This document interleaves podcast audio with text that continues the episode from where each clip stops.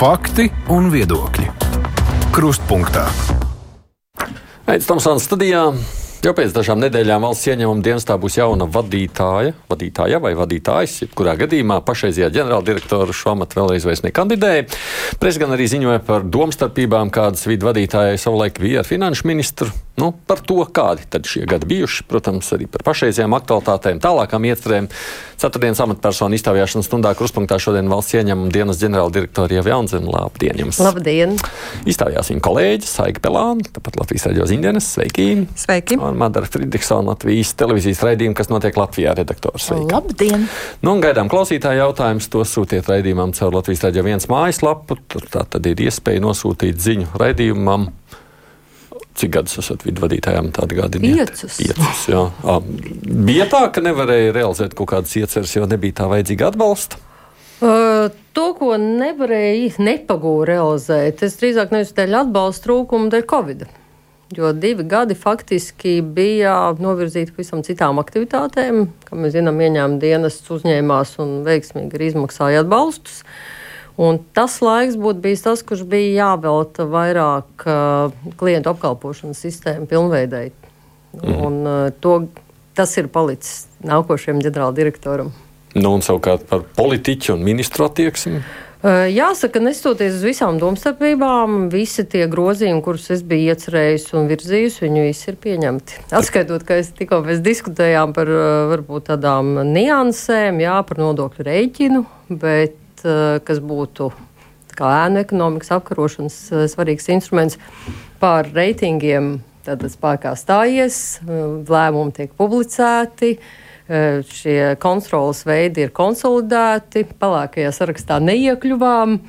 No to, ko es gribēju arī darīt attiecībā uz korupcijas novēršanu, arī to man ir izdevies izdarīt. Tā kā principā es varētu sūdzēties par to, ka kādi normatīvi akti būtu iestrēguši un nebija pieņemti. Mm, kolēģi.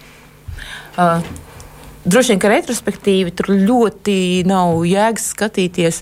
Nu, es saprotu, ka to, ko jūs saucat, ko darījāt attiecībā uz korupcijas novēršanu, jūs domājat iekšējās drošības biroja, vai ne? Es iekšējās drošības pārvaldu, jā, pašvalsts pārvaldu, jā, dienas, jā, Bet es tā saprotu, ka principā iekšējās drošības pārvaldes stāsts faktiski šobrīd beidzas, jo jau laikam līdz šā šā gada vasarai būs iesniegti sēmā grozījumi, viss tiks izgrozīts, iekšējās drošības pārvaldes vairs nebūs, un tas viss aiziet pie korupcijas novēršanas un apkarošanas biroja. Es gribu teikt to, ka es par šo esmu izteikusi bažas ministram, bet šajā gadījumā es domāju, ka tikai taisnīgi būtu, ja tādi paši pretkorupcijas pasākumi ar visu analītiku un tiktu īstenot visā valsts pārvaldē kopumā, ne tikai valsts ieņēmuma dienestā. Man bija saruna ar Straumas kungu, kurš teica, ka līmenis nemazināsies. Tad, tad jūs paši riski... īsti tam nepiekrītat, ka tā pārvalde būtu jā, jāatdod korupcijas novēršanas apkarošanas birojiem? ka tomēr ir svarīgi, ka tāds rīks ģenerāldirektoram ir. Es varu pateikt, ja man tāda rīka nebūtu, nebūtu izdevies izdarīt visu to, kas ir. Protams, ka nav, nav tādi apmēri, varbūt vajadzīgi, varbūt štatu var samazināt. Bet te vienmēr ir, ir arī valsts kontrole šis atzinums, ka nav labi, ka paši izmeklē. Es gan domāju, ka šajā gadījumā svarīgs ir attieksmes un motivācijas jautājums. Ja tie kolēģi ir motivēti stāties pretī sliktajiem, viņi to izdarīs. Tāpēc es domāju, ka tas ir jaudīgs instruments. Ja knāps to turpinās darīt tikpat jaudīgi, lai tas būtu, bet uh, es gribētu tomēr izteikt savus bāžas par to, ka tik lielā iestādē kā VICS tomēr šāda struktūra ir notiek. Tad šī ir kaut kāda tāda reforma, kura netiek virzīta no valsts ieņēmuma dienesta puses, viņa tiek virzīta no ministra vai ministrijas puses? Jā, jo valsts ieņēmuma dienesta puses konkrēti manā personā es pilnīgi viennozīmīgi uzskatu, ka nodokļu muitas policija ir jāatdalām atsevišķā struktūra vienībā par eh, iekšējās drošības pārvaldi, es domāju, ka vēl būtu kāds laiks, ka viņai būtu jābūt. Jā, nodokļu muitas policija, cik es saprotu, tā ir. Nu, Tad tajā brīdī, kad uh, tur runā tā kā kas notiek Latvijā. Jūs pagājušā gada aprīlī nenoliedzāt perēkļu esamību. Tad, kad runā par perēkļiem, ja, nu, tad vairāk vai mazāk tomēr skatās visi tajā virzienā. Un, lai kā tās struktūras sauktos, vai viņi sauktos finanšu policija vai, vai nodokļu un muitas policija, bet nu, gadu gadiem patiesībā. Uh, tad, kad runā par pasūtījumu galdiem valsts ieņēmuma dienestā, tad runā par šīm struktūrām, vai ne? Uh, un tagad šīs struktūras principā no nākamā gada, iespējams, 1. janvāra, pārceļās zem finanšu ministra tiešas pakļautības vai pāraudzības, kas tiek īstenota caur finanšu ministriju. Tas, jūsuprāt, tā ir tāds ļoti labs risinājums? Mm, es gribētu teikt, ka šeit ir svarīgi pateikt to, un jau kas tagad notiek. Nodokļu muitas policija nepakļaujās valsts ieņēmuma dienas ģenerāldirektoram. Tādēļ prasīt atbildību no viņa par tur norisēm ir mazākais negodīgi. Un vienreiz tas ir jāpasaka, ja, ka, ja ir tiesības sargājušā iestāde, kas pakļaujas uh, prokuro, prokuratūrai, tad viņai ir jādibina atsevišķi, un katra iestādes vadītājs arī atbild. Bet iestādes vadītājs šeit, labi, viens ir nodokļu muitas policijas vadītājs atbild, kā tiesības sargājušās šobrīd, iestādes vadītājs. kungs, bet tad faktiski politiķis virs šīs struktūras. Uh, kā tāds pāraugs, jūsuprāt, krimināla process vispār risinājums. nepieļauj iejaukšanos. Tātad faktiski ir tikai krimināla procesa likums pasaka, ir iestādes vadītājs, tas ir nodokļu muitas policijas direktors, tāda ir atbildīgais izmeklētājs un virs viņa prokuratūra. Vairāk nekāda, nu, es teikšu tā, iejaukšanās krimināla procesā faktiski nav iespējama. Uh, tāpēc ka viņš ir tā sakārtots. Un te arī varbūt visu laiku tā disonance bija starp to, ko dara ģenerāldirektors, kā viņš nezina, kas notiek krimināla procesos. Protams, ka viņš nezina, viņam nav pat tiesību zināt, kas tur notiek. Un šajā gadījumā es domāju, ka e, spēcīgs vadītājs, nu skaidrs, ka Prusa kungs tāds ir, un es ceru, ka viņš turpinās vadīt šo struktūru. Viņš nekādā veidā politiķi nevar viņam nevienu norādījumu dot. Vispār nav nu, tāda struktūra. Uh, faktiski šobrīd tā struktūra pēc tā ziņojuma, kas ir iesniegts pirms Ziemassvētkiem īsi valdībā, sanāk, ka nu, jebkurā gadījumā viņa aiziet politiskā pāraudzībā. Arī šobrīd ieņem dienas politiskā pārvalde. Tikai tā, šeit, starp, šeit Bet, vēl ir virs nodokļu muitas policijas vadības, ir vidi ģenerāldirektors. Nu, it kā viņam būtu kaut kas jānovērš vispār, bet viņš nevar to izdarīt, bez ka process nepieļauj arī valsts policija atrodas tomēr arī iekšlietu mm. ministrs pakļauti. Es tur neredzu lielu disonanci, jo saku, svarīgākais tas, ka procesuāli jau tais procesos nevar iejaukties. Un to mēs skaidri paskatām. Man bija pirms jaunā gada saruna ar vienu nodokļu maksātāju. Viņš man saka, Bet jūs taču nodevāt tai savai policijai. Jūs nodevāt, ņemiet tagad atpakaļ. Saku, pagaidiet, mēs esam attiecībā šī vidu nodokļu daļa. Ir tieši tāda pati trešā persona, kā jebkurš kurš cilvēks no ielas. Es nevaru iedot un ņemt atpakaļ. Viņi ir pilnīgi neatkarīgi no manis, no manas gribas, no tā, ko es gribētu. Tāpēc es domāju, tas vienreiz jāapsaka.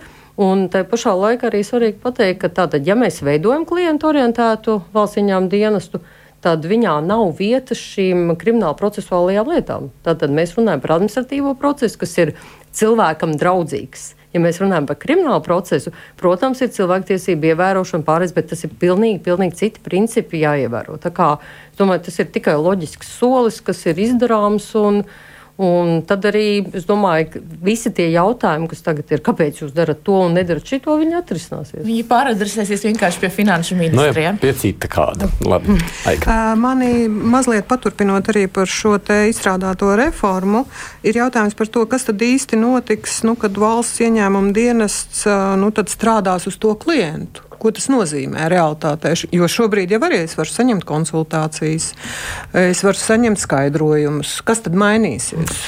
Uh, jā, tad, tad, ja mēs skatāmies šī brīža valsts ieņēmuma dienas, tās paliekošās lietas, kas paliks arī pēc manis, ir tas pats reitings. Katram reitingu burtam, kas ir, teikt, ir A, B kategorijas, C un N kategorijas uzņēmumi, viņiem ir savs, pret viņiem ir Viņi, priekš viņiem ir izveidotas taktikas, kādus pakalpojumus viņš saņem. Nu, skaidrs, ja ir A kategorijas klients, viņš saņem visu labāko, ātrāko, un tā, ja viņš ir savukārt eh, C kategorijas klients, tad ir attiecīgi citi pakalpojumi, vairāk varbūt striktāki. Ja mēs runājam par nodokļu muitas policiju, tad viennozīmīgi var gadīties, A kategorijas klients, diemžēl, ir iesaisties noziedzīgā darījumā. Piemēram, tad pret viņu tiek uzsākts krimināla process. Viņš nāk pie nodokļu administrācijas un saka, kā tā? Es taču esmu A kategorijas klients. Kāpēc jūs man ne, neservējat? Viņš jau nevarēs nākt, viņam būs jāiet pie tā ministra. Nu, lūk, bet, eh, nu, ja nenotiek reforma, nu, lūk, bet eh, šajā gadījumā es viņam teiktu, neziniet, krimināla procesā tomēr visi ir vienlīdzīgi, tur ir citi spēles noteikumi, un tādēļ tas A kategorijas, eh, tas jūsu A burts neko nenozīmē. Un ten tas noz, nu, galvenā nozīme ir tieši tur. Tad, ja tu esi labs klients, tev arī apkalpo. Valsts ieņēmuma dienestā. Jā. Savukārt tās sliktās lietas, ja viņas arī ir, viņas netiek kaut kā iemiksētas visā tajā stāstā iekšā, jo skaidrs, ka e, šobrīd ir dažādas prezumcijas. Man teiksim, arī pagājušajā gadā bija saruna ar klientu. Es arī nez, es nezināju, pat es pēc tam tikai uzzināju, ka viņam ir krimināla process. Visi pārējie lietas dalībnieki ir atzinuši vainu. Viņš vienīgais ir palicis. Viņam ir ļoti liels rūkums, bet nu, viņš reāli nu, viņš ir B kategorijas uzņēmums. Saka, es taču esmu labs, bet tu piedod iesaisties PVN schēmā. Un es domāju, ka ir tāda skaidrība un nošķiršana starp administratīvo procesu kriminālu ir vitāli nepieciešama, lai šo reitingu sistēmu varētu darbināt. Uh, reitingi, parunājot arī par reitingiem, uh, no šī gada tātad jums ir šie reitingi jau sastādīti, jūs viņus kur mēs varēsim apskatīties, kas ir viena, kas ir otri uzņēmumi, un, piemēram, ar ko nu, kādam ir jābūt A klases uzņēmumam, kādam, piemēram, ir jābūt D klases uzņēmumam, vai N vai, vai Z, arī tādi būs. Un kas ir. Um, nu, kas valstī ir vairāk to A vai kādus klases uzņēmumus šobrīd, kad jūs sastādāt tos reitingus? Uh, jā, tātad reitingi tiek atjaunoti, tiks atjaunoti katrus trīs mēnešus. Šobrīd ir tāds nosacīts atklātības periods tieši pašam uzņēmumam. Viņš var mainīt savu uzvedību vēl šobrīd. Tad, tad viņš redz pats un rādīt saviem klientiem. Es redzēju, Facebookā, kā A kategorijas klienti ļoti aktīvi dalās. Un, savukārt, pēc tam, tad, ja šī disciplīna vai visi vis jautājumi tiek atrisināti, tad jau nākošā reitingā situācija var būt labāka. Kā tas tiks dalīts? Pirmā, publiski viņi nebūs pieejami. Viņi būs pieejami ar martu. Tātad ar martu būs pieejami visiem, ievadot uh, šo kodu tieši mūsu publiskajā datubāzē. Jūs varēsiet redzēt, kāds ir jūsu sadarbības partneris. Šobrīd jau pats uzņēmums var dalīties. Ja mēs skatāmies pēc eh, tā, kādi ir šie eh, uzņēmumi, tad jāsaka, tā valsts budžets drošās rokās. A kategorijas eh, klienti samaksā 87% no visiem nodokļiem. Tas nozīmē, ka tādā ziņā tās bažas ir nelielas. Savukārt, ja mēs skatāmies pēc tā uzņēmuma daudzuma, tad, diemžēl, mums ir ļoti liels skaits neaktīvu uzņēmumu, kas ir gandrīz 30%. Tie ir tādi, kuriem gandrīz nav nekādu aktivitāšu. Un B kategorija mums arī ir 43%. Tad, kā mēs redzam, liels skaits mazu uzņēmumu, kas nemaksā lielu nodokļu daļu. Tur ir apmēram ap miljardu viņi samaksā kopā. A kategorija ir 7%, bet viņi samaksā, kā jau teicu, lauvas tiesu valsts budžeta. Un eh, tādā ziņā nav pamata par budžeta izpildi bažīties, jo tiešām tie, un tur ir ne tikai lieli uzņēmumi, tur arī ir mazie vidēji uzņēmumi, kas savus saistības pilda korekti. Nu, no vienas puses, jūs tā kā stāstāt, nu, tagad būs reitings, viņš būs ļoti atklāts. Uh, valstī lielāka atklātība, kas tā kā labi, ja no otras puses nav jau nekāds. Uh, Es teiktu, ka nu jau vairs nav nekāds noslēpums, ka notiek tur dažādas interesantas diskusijas par to, cik ilgu laiku valsts ieņēmuma dienests turēs publiskas valsts amatpersonu deklarācijas. Un es tiešām gribētu saprast, no kurienes tad ir dzimusi šī gaišā doma pēdiņās par to, ka kaut kādu laiku pēc tam, kad cilvēks vairs nav valsts amatpersona, to deklarāciju vajadzētu no publiskās telpas izvākt vispār. Es gribētu teikt to, ka šis ir viens no tiem gadījumiem, paldies, ka jūs paprasījāt, vad ir iespēja izskaidrot. Te vienmēr visas valsts pārvaldes iestādes, varbūt sākšu pa citi gali. Mēs ieņēmām dienas eh, vēlējās sakārtot visu normatīvo bāzi, kas saistīts gan ar EDS, gan ar visām citām lietām. Un te mēs nonācām interesantā situācijā valsts datu inspekcija. Ir datu regulā skaidri pateikts, ka visiem ir tiesības, lai dati būtu dzēsti. Un tajā brīdī, kad mēs sākām par to runāt, eh, vispār par sakārtošanu, jo mums datu ir ļoti daudz, tika pateikts, ir jābūt kaut kādam termiņam, kurā tiek dzēsti. Vidam šajā gadījumā vispār nekāda interese. Man pēc vidam arī vienīgais tas, tas ir nauda, visa resursu uzturēšanai. Protams, visu var glabāt, mums ir nenormāli, cik tur terabaiti, visas tās lietas. Uh, Ok, mēs arī teicām, mums nav nekāda interese. Mums galvenais, lai Datu valsts inspekcija atbalsta mūsu pārējos grozījumus, un mēs esam gatavi iet uz priekšu. Tāpēc, ja mēs runājam par tīri par glabāšanu, ja tas ir sabalansēts ar, ar datu regulu, vidam šeit nav nekādu ne gaišu, ne tumšu domu.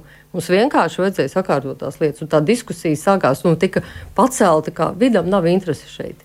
Ja likumdevējs lems, ka ir jātur 75 gadus, viņi tur stāvēs 75 gadus. Mums ir vienkārši ir vajadzīga atbilde, cik ilgā laikā un tāda, kas apri, a, apmierina datu. Tad jūs tajā valsts datu, inspek datu valsts inspekcijā. Es vispār varu jā? pateikt, ka tajā ziņojumā, par ko mēs daudz runājam par netipiskajām funkcijām, mēs ļoti vēlētos un arī valstiski bija jau sen lemts, ka knabam būtu jāuzrauga šīs amatpersonas. Tā ir viena no mūsu netipiskajām Ui, funkcijām. Jā. Mēs ļoti labprāt redzētu protokola lēmā, un tas arī ir ierakstīts, ka knaps pārņem šo funkciju, glabā, novērtē, jo tam ar nodokļu saistībām nav īsti nekāda sakra. Okay, tas... Ļaujiet man teikt, klausītāji jautājums. Es zinu, ka jūs esat sagatavojušies daudz, bet nu, lai cilvēki tiek pie saviem jautājumiem. Ilze prasa, sveiki, kas tad ir jādara, lai tiktu vaļā no uzņēmuma, kura gadiem nav ilga nekāda darbība, bet ir huijēna parāds, un katru gadu to aprēķina vidu. Nu, tā tad jāsamaksā UIN parāds. Droši vien cita varianta nebūs, un, nu, vai arī jāpa, jāiet caur maksāt nespējas procesu. Mm. Jo ar parādu likvidēt nebūs iespējams. Te ir varbūt tā galvenā aizķeršanās, bet uh, var iziet maksāt nespējas procesu un tādā veidā arī izbeigt. Jo ar parādiem uh, nu, ja, tie ir tikai, nu, ne tikai ir valsts parādi, ir parādi piegādātājiem, tas varbūt tā liela aizķeršanās. Es vairāk pat runāju par to, ir tādi, kuriem nav parādi. Tāpat nelikvidē. Nā. Vai varat komentēt īpašu attieksmi pret Sijā Lāge Ko prasa Eglis Kundze? Lāge Ko, es ne, nav... Lāge Ko ir uh, slavenais gan beigas. E, mums nav nekāda īpaša attieksme pret uh, Lāge Ko. Tā, tā, tādās, tādas pašas kontroles, vai arī kā jebkuram citam, kā, vai varbūt var komentēt, kas tur ir īpašs. Jo... Es domāju, ka kundze domā to, ka Lāgeko nomaksāja savus uh, soda naudiņus, bet cilvēki vēl aizvien un tur iet un vismaz sociālos tīklos dažreiz mana, ka saņem tikai tos pirmčekus un nefiskālos dokumentus. Sūdās, ka joprojām nenotiek. Jāsaka, tādu uh, kontrolas pasākumu tādu pašu Lāgeko kā citiem, ja skatāmies uz viņu nomaksāto nodokļu apjomu, jo tas ir viens viens no kritērijiem. Nu, es varu teikt, ka viņš ir atbilstošs. Varbūt viņiem, kā, bet es domāju, ka es nekomentēšu konkrēto uzņēmumu vairāk, bet nu, tieši tāda pat attieksme kā pret citiem. Riskot balstīt. Nu, labi, Strelētas kundze vēl jautā šādi. Atvērtais failos mums bija par dzīvnieku biedrībām tikko vai neaizsardzības organizācijām. Te viņi raksta tā, mazliet garāk nolasīšu, lai viss tas saprotams jautājums. Tātad tikko izskanējums informācija, ka dažādi dzīvnieku aizsardzības organizācijas gadā kopumā ziedojumos saņēmuši miljonu eiro. Tāpat tas, ka dzīvnieku kustība, skaits un izdevumi tie visi nav izsekojumi. Iepriekš uzrunājot vidi, viedoklis ir bijis, ka dzīvnieku aizsardzībā tas apgrozītais līdzekļu apjoms ir pārāk niecīgs, lai vidi par šo sfēru interesētos. Vai ņemot vērā šīs izskanējušās ziņas, kas ir bijušas jau arī agrāk, vai vidi tomēr neplāno veikt kādu paralēlu to privātu personu, kas ir dzīvnieku aizsardzības biedrība valdēs finanšu auditus, paralēli ar šo biedrību finanšu auditiem, jo tas būtu godīgi pret sabiedrību un dzīvniekiem? Jāsaka, ka sabiedriskā labuma organizācijās kontrols notiek regulāri, un arī regulāri tiek arī atņemti šie statusi. Nav bijis tā, ka viena vai otra biedrība labāk vai sliktāk vai lielāks. Vai, tur ir vienkārši konkrēti pasākumi, un ar šo gadu arī mums ir stiprināta tā funkcija. Kaut gan atkal jāsaka, tā pilnīgi netipiska valsts ieņēmuma dienestam, bet jā, šīs biedrības ir mūsu redzeslokā, jo viņas saņem nodokļu atlaides. Okay. Jā, bet es tā saprotu, ka vispār tā jūsu ideja vai kaut kāds tas jūsu skatījums būtu, ka nu, ļoti, ļoti daudz to, ko, nu, kā, ko jūs raksturojat kā vidam neraksturīgas funkcijas, nu, atdot tur knabam un tā tālāk, kas laikam sakrīt lielā mērā ar to, kas bija teikt, pirms nepilna gada, kad bija korupcijas novēršanas un apkarošanas plāns, ja, nu, kur ir ļoti daudz, teik, nu, ļoti daudz finanšu ministrijas un vidi iebildumu kriptovalūtas valsts amatpersonām kontrolēt. Nē, ģimenes deklarācijas valsts augstākajām amatpersonām. Nē, tā nav mums raksturīga funkcija pārskatīt tur kaut kādus NBS amatpersonu sarakstus, kuriem vispār šīs deklarācijas ir jāiesniedz. Nē, tā nav mūsu funkcija. Principā jūs gribētu no tā visa tu, vids tiktu vaļā. Jūs jau laikam vairs ne, nu, jums vairs pilnvartermiņš nav īpaši ilgs. Uh, ne, nu, ja mēs runājam par, par mazu un efektīvu valsts pārvaldi, katram jādara savs darbs. Ja, ja, ja nodokļu maksātāji maksā par nodokļu administrēšanu, tad viņiem būtu jāmaksā. Un ja mēs salīdzinamies ar citām valstīm, kur mēs vienalga esam salīdzinoši lēti, tad, uh, tad Ne, salīdzināsim abolus ar aboliem. Nu, tad samazināsim vidu vai ne, bet palielināsim knapu pieckārt. Nē, varbūt, es domāju, ja? ka vienkārši ir tikai godīgi pateikt, ka nodokļu administrācija mums dara šīs lietas, nevis tajā brīdī, kāpēc mums ir tik uzpūsts cits, nu tāpēc, ka vids dara lietas, ko citās valstīs dara kāds cits. Un es domāju, ir jārunā par jēgumu. Ja ir ja ir deklarācijas amatpersonām, kuras ir vajadzīgas priekš jā, tam, lai kont... un īsti nekontrolē, jā, kontrolē, ne, nu, teiksim tā, nu, ir ko arī kontrolē, un tad, tad, tad kāpēc tad mums ir pēc jēgas ir korupcijas novēršana, jā, nevis nodokļu administrēšana. Es domāju, ka ir jēga tajā, ka, protams, var ielikt vidā visas iespējamās funkcijas, bet tam brīnīties, kāpēc mums tik dārgs vids un kāpēc viņš nevar pievērsties tam vai citai lietai. Ja gribam koncentrēties, tad darām to, kas ir jādara. Tātad nodokļu administrēšana. Okay. Tas... Um, novembra sākumā mūsu kolēģi no Rebaltikas izvērtēja, kā ģērbjas Daugaupils mērs Elksniņš. Tur sanāca, ka ļoti dārgi un īstenībā nu, tie ienākumi, ko viņš saņem, neatbilst viņam dzīv, viņa dzīves stilam. Bija solījums, ka šo lietu vērtēs arī Knaps un arī Vits. Vai esat izvērtējuši, varbūt ir kādi secinājumi? Vēl nav secinājumi. Bet vērtējat? Vērtējam. Neskatoties to, ka varētu nebūt jūsu tiešā funkcija. Nē, mēs skatāmies no nodokļu perspektīvas. Jo šajā gadījumā jau vienmēr ir tas skatu punkts arī amatpersonai. Jo pirmkārt, kad, kad mēs pievēršam uzmanību, tad amatpersonu deklarācijā, ja ir norādīti ienākumi, par kuriem nav veikta nodokļu nomaksa. Tad skaidrs, ka tā ir skaidra, skaidra vidu kompetence. Par to neviens nešaubās. Par to, vai ja tas ir iegūts koruptīvos noziegumos vai savādāk. Te ir tā lieta, ka to mēs nevaram. Mēs saviem darbiniekiem, jā, tad, kad eh, iekšējā drošības pārvalde, mēs vērtējam visas ieņēmuma dienesta deklarācijas, pilnīgi visas. Un, attiecīgi, arī katram darbiniekam, ja ir nesakritības, arī to pavaicājam. Un es ļoti ceru, ka Knāps tā darīs ar jebkuru valsts amatpersonu, jo mēs tiešām to izdarām. Un šeit, ja ir nodokļu aspekts viennozīmīgs, skatāmies abus, gan nodokļu, gan arī. Kad varētu būt jūsu vērtējums? Es domāju, ka tas varētu būt jau pēc mana pilnvaru beigām, drīzāk, jā, jo Elksniņa kungs ir sniedzis amatpersonas deklarācijas katru gadu, ir, es domāju, ka tur tik daudz darba nevarētu būt. Tas varbūt, ko es ne par Elksniņa kungs, vispār par šo sadaļu ar ģērbšanos un ēšanu, jā, ka mums reizēm saka, bet kā jūs neredziet, jā, ir jāsaka tā, ka no pierādīšanas, jo administratīvajā procesā viss ir jāpierāda iestādēji. Un, ja eh, cilvēks, eh, nu, un, ja viņš ir ēdis vai ne to vilcis mugurā, tad likums nosaka minimālās algas apmēram. Un tas ir tas, kas sodu. E, nē, to uzrēķinu var noteikt, to es apveicu. Un tas ir tas, par ko mēs visvairāk arī ēnu ekonomikas kontekstā esam runājuši, ka mēs varam, protams, domāt to vai citu lietu, bet mums ir jāpierāda. Un tad, ja cilvēks, ja, ja mēs pasakām, viņš saka, nē, es pārtika mums ir šie gadījumi, ka ir ļoti liela ienākuma pārsniegumi. Viņš saka, nē, es tikai no dārza. Iepērkos humpalās, ēdu no dārza, man ir poršē, bet ne. Un tajā brīdī likums ir pateicis, jā, es viņam varu aprēķināt minimālo algu. Jā, un viss tas uzrēķins, jā, lai cik tas man liktos absurdi un visiem tik, tik netaisnīgi, es viņam vairāk nevarēšu pierādīt, kā to minimālo algu. Bet tas nav šajā gadījumā Pelksniņa kungs, tas vispār par fizisko personu rocības novērtēšanu. Un tāpēc mēs esam arī rosinājuši, un tas varbūt, jā, nav sanācis, bet tā dziļāka diskusija administratīvajā procesā paredzēt, ka par nodokļiem tomēr pierādīšanas pienākums ir pašai personai.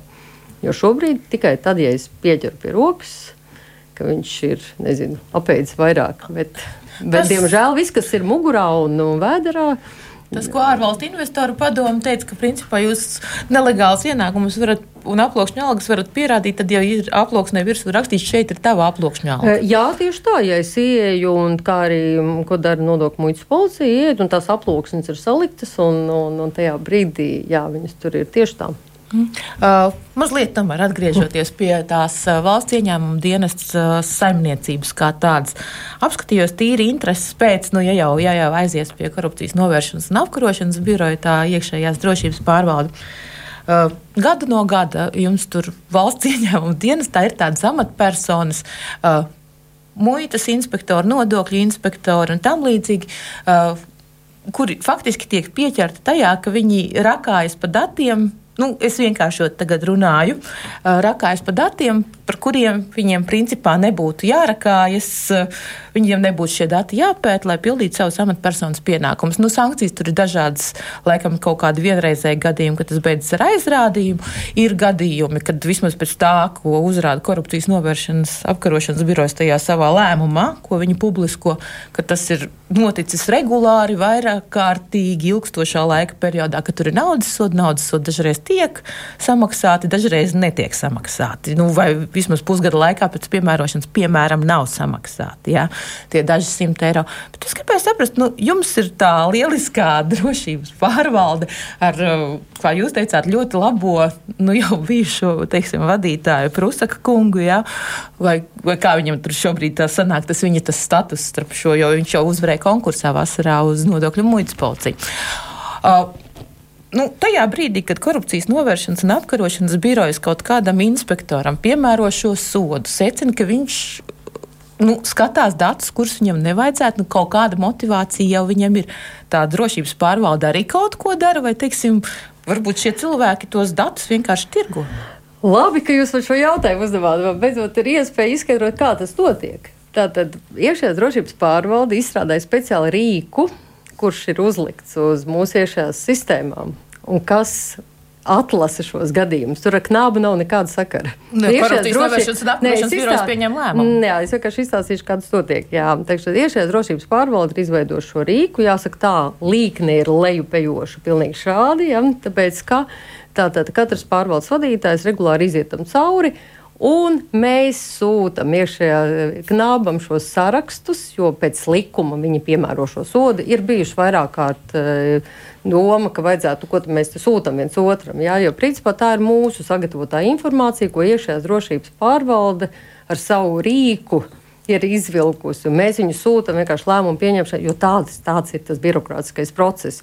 Un e, visas tās disciplināra lietas, viņas jau ir notikušas iekšējā drieši e, jau pie mums jau jau principā, ja ir atlaišana vai ir šie sodi, tas ir nākošā daļa. Viss šīs izvērtēšanas jau veicam mēs paši. Nu, tur jau daudz, bieži vien tas sots ir tikai aizrādījums. Nu, tāpēc, ka bieži vien atvainojiet, nu, ir cilvēki, kuri dīvaini, es kāpēc viņš par savu A, bijušu, par sevi, nē, viņš par sevi, par bijušo draugu ir apskaties tiešām līdz absurdam, par mammu.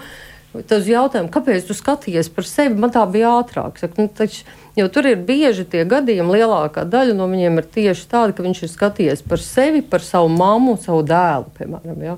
Tāpēc, ja mēs skatāmies par tām atbildības sadalījumiem, ja ir tie smagākie gadījumi, jā, disciplināra lieta jau ir izmeklēta. Pie mums cilvēks ir iespējams pat atbrīvots no amata tajā brīdī. Ja, tāpēc, un, e, tā ir tieši iekšējās drošības pārvaldes izstrādāta rīka palīdzība. Un es varu pateikt, ka tas cipars iet uz leju.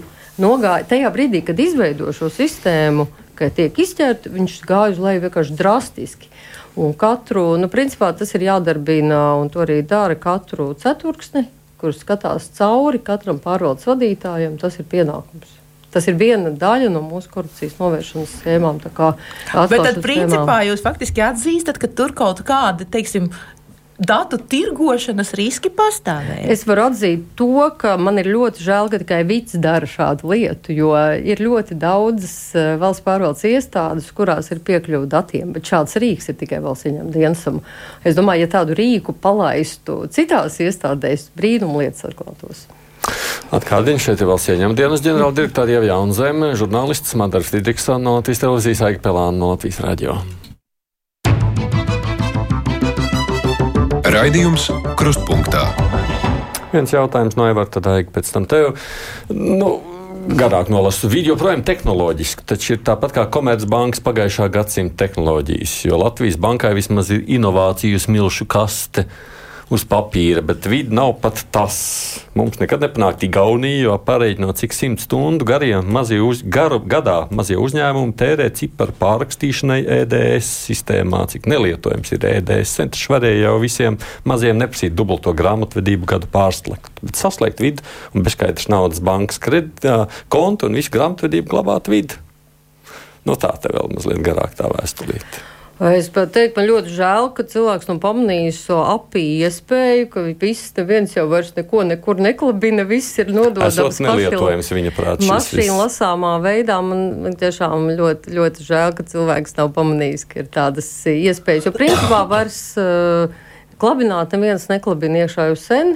Tas, ko vēl šogad izdarīsim, un es skatos uz Pelānas kundzi, saimnieciskās darbības veicējiem būs vēl atvieglotāka forma. Kā, un lielie uzņēmumi, un ne tikai lielie lādēji, pat tā, nu, kā, teikt, nu, kā, kā tas latviešu vārds, jā, jā, jā. pat taisno no grāmatvedības viss ir mašīnu lasāmos formātos. Tas, kas man izbrīna reizēm, ir uh, par gada pārskatiem. Tiešām cilvēki turpina PDF likt. Es, un es tikai pēc zvērnātiem revidentiem viss ir.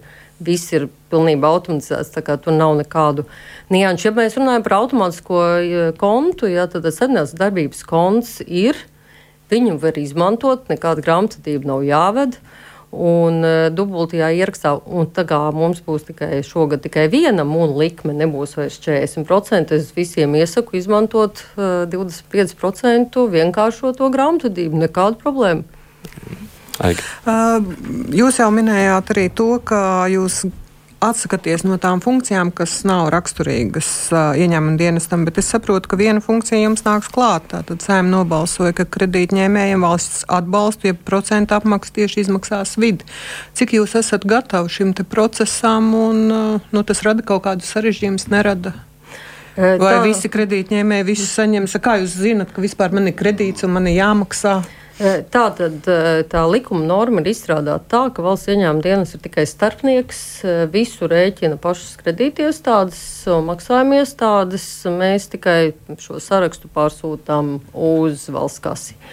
Mēs, protams, ievērot, ka mēs administrējam nodevu, mūsu daļa ir nodeva. Protams, mēs izlases kārtā pārbaudīsim kredīti iestādes tīri no nodevas puses attiecībā uz uh, tiem, vai visi saņem to, kas jāsaņem. Likums skaidri pasaka, ka šādi strīdi ir izcināmi civil, civil likuma noteiktajā kārtībā. Tā kā tādā ziņā mēs neredzam lielas nekādas problēmas. Cilvēkam ir, uh, tātad, viņam ir jābūt kontam, tas ir galvenais. Tur būs konkrēti lauki, kas bankai jāizpild. Ja viņi visi ir aizpildīti, tad tas aiziet uz valsts kasi un cilvēks saņem savu maksājumu. Bet uh, tam vienkāršam kredītņēmējam nekāda saistībā jums vispār nav. nav. Nē, nekādu. Viņam ir tikai ar savu banku izstrādā savus risinājumus no mūsu. Bet kāpēc nevarēja tad banka pataisno atmaksāt? Es nevarēšu atbildēt šo jautājumu. Tas būs šodien juridisks jautājums. tā būtu jāpaliek, acīm redzot, neprasot Jaunzemes kundzei. Uh, jā, jūs, jūs stāstījāt, nu, nu, nu pat kā, ja, cik, cik lieliski tur viss, kas ielasās. Um, mašīnu lasāmā formā. Un, tā. un patiesībā es lasot šo vairāk kārt jau pieminēto informatīvo ziņojumu, mazliet samulsu. Uh, jo nu, tur ir ļoti daudz interesantu lietu, ieskaitot pat var uzzināt, kā kaut kāda finanšu nozieguma tiek izmeklēta Burkina Faso. Bet, nu, Tad tam laikam maz sakara ar Latviju. Bet uh, tas, kas mani patiešām samulsināja, uh, tur ir ievietota tāda tabuliņa, kur ir Price Waterhouse. Kūpers izvērtējums par uh, to, kas saucās. Uh, SWOT angļu valodā es atvainojos klausītājiem, tas tāds stipro, vājo pušu iespēju un izaicinājumu analīze. Laikam latviešu nav tāda ļoti precīza apzīmējuma šim. Un uh, ir tāda stiprā puse šo auditoru izvērtējumā, ka valsts ieņēmuma dienests, un tas varētu būt interesanti klausītājiem, uh, ir tāds kā pirmrindnieks un vispār gandrīz vai izcelības valsts pārvaldes uh, fona dažādu informācijas sistēmu ieviešanā. Un kāpēc es samulsu? Es samulsu tāpēc, ka jūs droši vien esat lietas kursā par to, ka pērnā gada pirmajā pusē man bija diezgan intensīva sarakste ar jūsu iestādi, jo iestāde, kur saucās valsts ieņēmuma dienas, bija pieprasījusi un arī patiesībā saņēmusi vismaz pagājušā gada budžetā ieprogrammētu tādu vai iebudžetētu diezgan pamatīgas summas tieši dažādu informācijas sistēmu uzlabošanai. Un tas, kad tajā brīdī, kad jautā, nu, kāpēc jums tur desmit miljoni, un tur desmit miljoni, un tur desmit miljoni, tā atbilde no valsts ieņēmuma dienas bija tāda, ka vispār mums šeit viss ar tām informācijas sistēmām ir ļoti slikti. Mums šī sistēma tūlīt sabruks, tā sistēma tūlīt sabruks, šī sistēma ir nedabulēta un tā tā. Un tad es saņemu auditoru atzinumu, jā, iespēju izlasīt viņu un rakstīt. Valsts ieņēmuma dienestā vispār viss. Nu, tik labi, vai ne, ka visiem pārējiem valsts pārvaldē vajadzētu mācīties. Tad es tagad nesaprotu, jums tur viss brūk, vai jums tur ir tā, kā viss ir ļoti labi.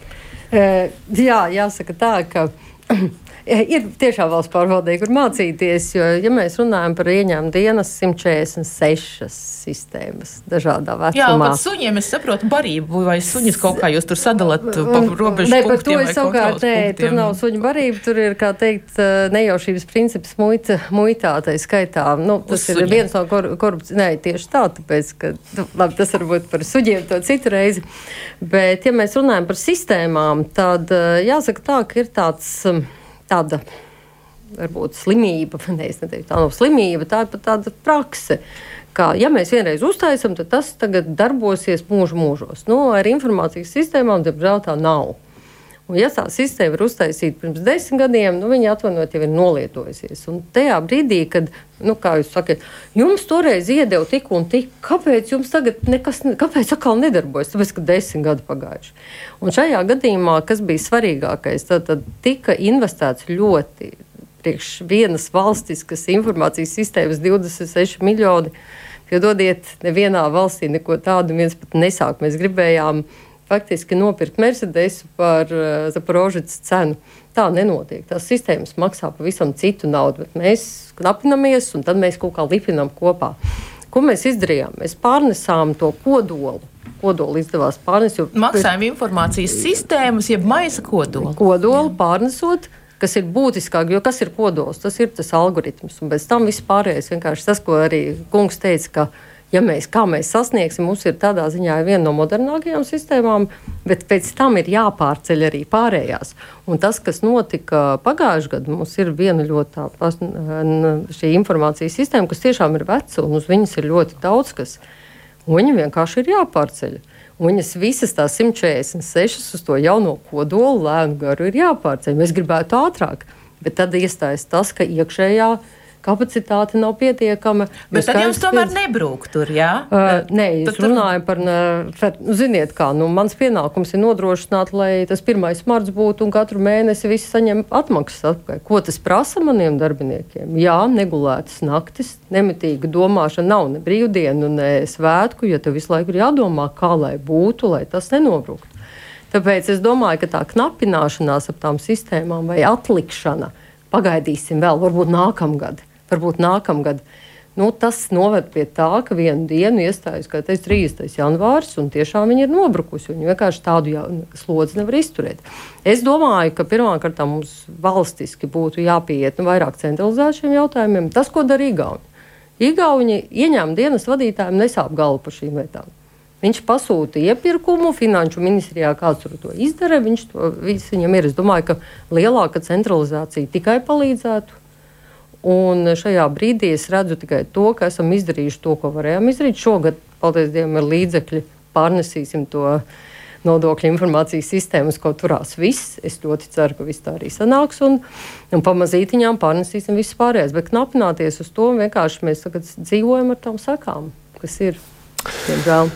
Robertam tāds pavisam īsts jautājums. Mēs te jūs pieminējat arī grāmatvedību, ko cilvēki tas arī nezina. Ja jūs zināt, laikam nebūtu šādi jautājumi. Jums ir jāveic vairāk izglītojošas kampaņas, video ierakstus, lai zinātu katrs skolnieks. Es gribētu teikt, man pa, nevar, nevar jau to sevi slavēt, bet es tiešām um, gada nogalē, nu, es ar Arvilu arī ar ministru kungu runājām par izglītojošiem materiāliem. Mūsu mājaslapa ir izglītojošo materiālu krātuvīte. Es pati tiešām piemēroju, gāju cauri, man bija arī palīdzēsim bēgļiem, gāju cauri. Viņi tiešām es varu pēc viņas pati izpildīt un izdarīt. Tur tiešām ir tajā krātuvītē, un pat var atrast viņas mājaslapā. Es iesaku ieiet apstīties, ir webināri e, par katru tēmu. Eh, un es domāju, labi, mat, tos izglītošos materiālus vajadzētu vēl uzlabot un pilnveidot, vēl īsākus padarīt, bet tieši vēl sadalīt, kā mums arī ieteica, ka mēs liktu klāt tajās, tur, kur ir īburtiņi, ka mēs liktu tādus fragmentiņus, nevis visu video, bet tādus fragmentiņus par katru, kas tajā brīdī jādara. Bet uh, es ceru, ka tas vadītājs, kurš nāks pēc manis, turpinās šo iesākt. Mm, Aiga.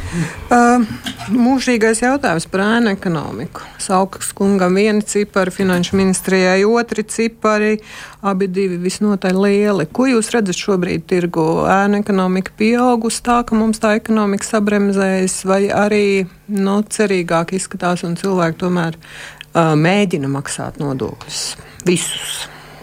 Es gribētu teikt, ka mums ir ēnu ekonomikā viena galvenā problēma, tās ir aplūšņa algas.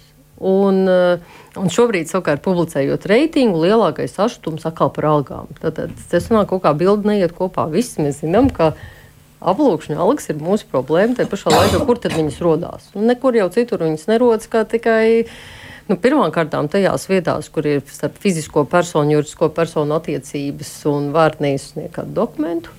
Un man liekas, ka jaunajā ēnu plānā nu, tiešām ir zobaini pasākumi ielikt šīm lietām. Protams, tas iespējams vairo birokrātiju, bet, ja mēs runājam par privātu māju celtniecību, ja mēs lūdzam nodeklarēt cilvēku ienākumus, par kādiem viņš to privātu māju un kā tos darbus ir veicis, es domāju, tas ir tikai loģiski un pamatoti. Jo, ja tev, protams, visi radinieki ir būvējuši ja, to stāvu pili, nākošais, es domāju, ka nu, arī valsts kontrole šogad veiks pēt, šo savu novērtējumu. Es ļoti ceru, ka viņiem būs vēl kādi. Viņi teica, jā, vakardien, kad Čāģina kungs teica, jā, ka varbūt būs vēl kaut kas nav pamanīts. Es gribētu teikt, es ļoti ceru, jo mēs tiešām esam izgājuši cauri gan pasaules praksēm, gan zinātniekiem Iespējams, ka atradīsies vēl kaut kas tāds, ko mēs vēl neesam izdarījuši, bet tas, ko es redzu, viennozīmīgi, ka, ja turpinās viss skatīties, ko valsts ieņēmuma dienas ir izdarījis, lai nebūtu ēna ekonomikas, nekā nebūs. Tas ir kopīgs darbs. Un katram ir roka jāpieliek. Un, ja tā lieta ir būvniecības nozarē, tad būvniecības nozarei ar to ir jānodarbojas mazumtirdzniecībā. Mazumtirdzniecībai faktiski nevar viss skatīties uz valsts ieņēmuma dienestu, lai viņi ir konsultatīva, jauka organizācija, te pašā laikā aiziet un iekasē papildus miljardu. Vienā dienā tas nenotiks. Tas ir skaidrs, ka tas nevar notikt vienā dienā, jo tad tie biznesi vispār nevarēs pastāvēt. Bet, um, kādā... nu, Kā jūs vērtējat, nu, no vienas puses, jā, tas viss ir skaidrs, bet no otras puses atkal nu, ekonomiskās grūtības un ekonomiskā krīze vai maza krīzīte, kas šobrīd Latvijā iet pāri, tā ir viena lieta, kāpēc cilvēki izvēlas aplūkšņa algas. Otra lieta, um, nu, plus mīnus, ja tā paskatāmies, kā tiek tērēta budžeta nauda, tie paši kariņa lidojumi. Uh, privātajās lidmašīnās, uh, piemēram, nu, mēs nosodām uh, um, uzņēmējus, kas um, tirgojas ar Krieviju, tajā pašā laikā ļoti lielus uh, pārvadājumus tranzītā veids uh, valsts uzņēmums LZ Cargo. Ja? Uh, nu, tādas ik pa laikam, nevis ik pa laikam, bet arvien biežāk nāk ārā tāda dubultā morāla. Un tad no tiem cilvēkiem prasa, lai viņi uh, nu, rūpējas par valsti, lai viņi maksā visus nodokļus un lai viss ir labi. Kaut kā tas iet kopā, neiet kopā. Pilnīgi piekrītu, un ziniet, kas tur neiet visvairāk kopā. Akal viss pasaules ieņēmuma dienas, kāpēc viņš nav iekasējis? Viņš noteikti nav iztērējis, nav lidojis, nav tērējis. Bet es domāju, ka vēlreiz ir svarīgi tomēr saprast, ka tās abas puses ir svarīgas. Jā, un nevar tikai skatīties uz ieņēmuma dienas. Es piekrītu. Un to viss, nu, it kā teorētiski visi zina, ka tas, kā tiek izlietots ar racionalitāti, viņa ietekmē šo maksājumu viennozīmīgi. Bet tāpēc skaidrs, ka jāskatās ir uz abām pusēm. Es, bet... Bet kā jūs jūtat šajā laikā, tā ēna ekonomika ir pieaugusi, tās aplūkšņa algas ir pieaugušas, vai viņas nu, ir palikušas tādā pašā līmenī, vai arī samazinās? Tas, ko es redzu, no mūsu ieņēmumiem. Un arī tad, kad jūs sakiet par, par, par papildus ieņēmumiem, mēs redzam, ka uzņēmumi, kuriem mēs pievēršam uzmanību, jo mēs tiešām izmantojam dažādas iespējas, ieskaitot gan vēstules, gan arī šis reitingu instruments ir priekš tam, lai, tu, lai mēs varētu aiziet, teikt, ziniet, jūsu algas neatbilst. Mēs redzam, ka algas tiek palielināts. Vai vienmēr tas ir ilgstoši, jo pēc tam ir monitorings pēc pusgada. Nē, bet tas, ko es esmu pieredzējusi, ka labprātīga nodokļu nomaksa pieauga. Un, uh, es tiešām biju ļoti pārsteigta arī pēc Covid, un Covid nu, bija liela krīze. Jā. Bet, kā, tur tomēr bija šie maksājumi, kurus mēs maksājām. Es redzēju, ka uzņēmumi tomēr iznāca ārā un sāka maksāt, jo viņiem tas bija svarīgi. Jā, bet nu, tagad sanāk tā, ka pagājušo gadu tas viss pasliktinājās, jo tajā pašā ziņojumā, ja, piemēram, ir labprātīgas nodokļu saistību izpildes līmeņa dinamika atrodama. Ja. 21. gads 64%. 22. 58. Kritums patiesībā ir nu, tā, ka nepajokam. Nē, tas jā, es pilnīgi piekrītu, gan arī nelielas metodoloģiskas izmaiņas, bet labprātīgā saistība nomaksa ir tad, kad tu deklarē, un te, ne, es nekad nevaru pateikt, kas ir labāk, un es arī nevarēšu pateikt. Tātad viens variants, tu deklarē, bet tu nesamaksā, pieaug parādi. Otrs variants, ka tu nedeklarē vispār. Un šajā gadījumā mēs, mēs fiksējam? Mēs fiksējam to, ka vairāk deklarēja. Viens puses tas ir padarīja redzamu. Jā. Parāds pat pieauga mazāk, kā varēja nu, gaidīt, bet manā ieskatā ir labāk, ja deklarē, un nevis kā lai nedeklarē, jo tad ir tomēr nāk ārā no tām mēnām. Un šajā gadījumā mēs runājam par lab, labprātīgu saistību nomaksu. Tad ir deklarējis, bet nav samaksājis laikā. Es tomēr arvien vairāk liecos to, ka labāk deklarēt. Ne, un, abi skaitļi patiesībā jā, ir pagājušo gadu jā. gājuši uz leju un gājuši uz leju tā, ka nu, diezgan manām. Nē, nu, viņi ir gājuši, bet tajā pašā laikā ir bijis lielākais, un te visu laiku ir tie, saku, tiem skaitļiem. Pagājušais gads pret iepriekšējo bija lielākais ieņēmuma pieaugums vēsturē.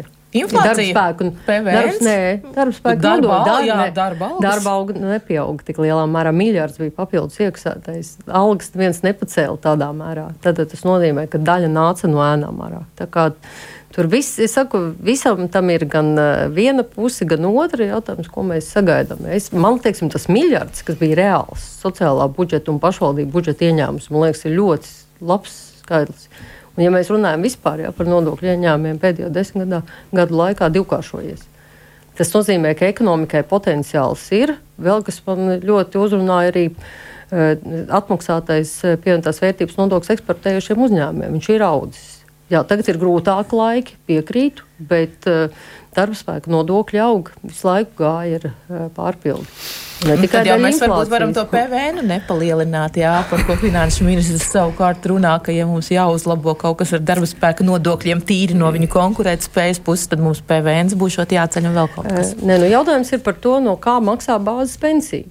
Tas visu laiku ir jautājums par, jo mūsu, mūsu pensiju sistēma ir izveidota tā, ka bāzes pensija ir salīdzinoši neliela, tā, ko no pamata budžeta maksā lielākā daļa no sociālās apdrošināšanas te ir jāskatās, jo tas, kā Dānijas modelis, jā, no pa, par PVN jā, maksā šo bāzes pensiju, un tad var taisīt mazāks uh, nodokļus. Tur ir ļoti atkarīgs no kā Dānijā gan ir laikam lielākais PVN Eiropas no, Savienībā.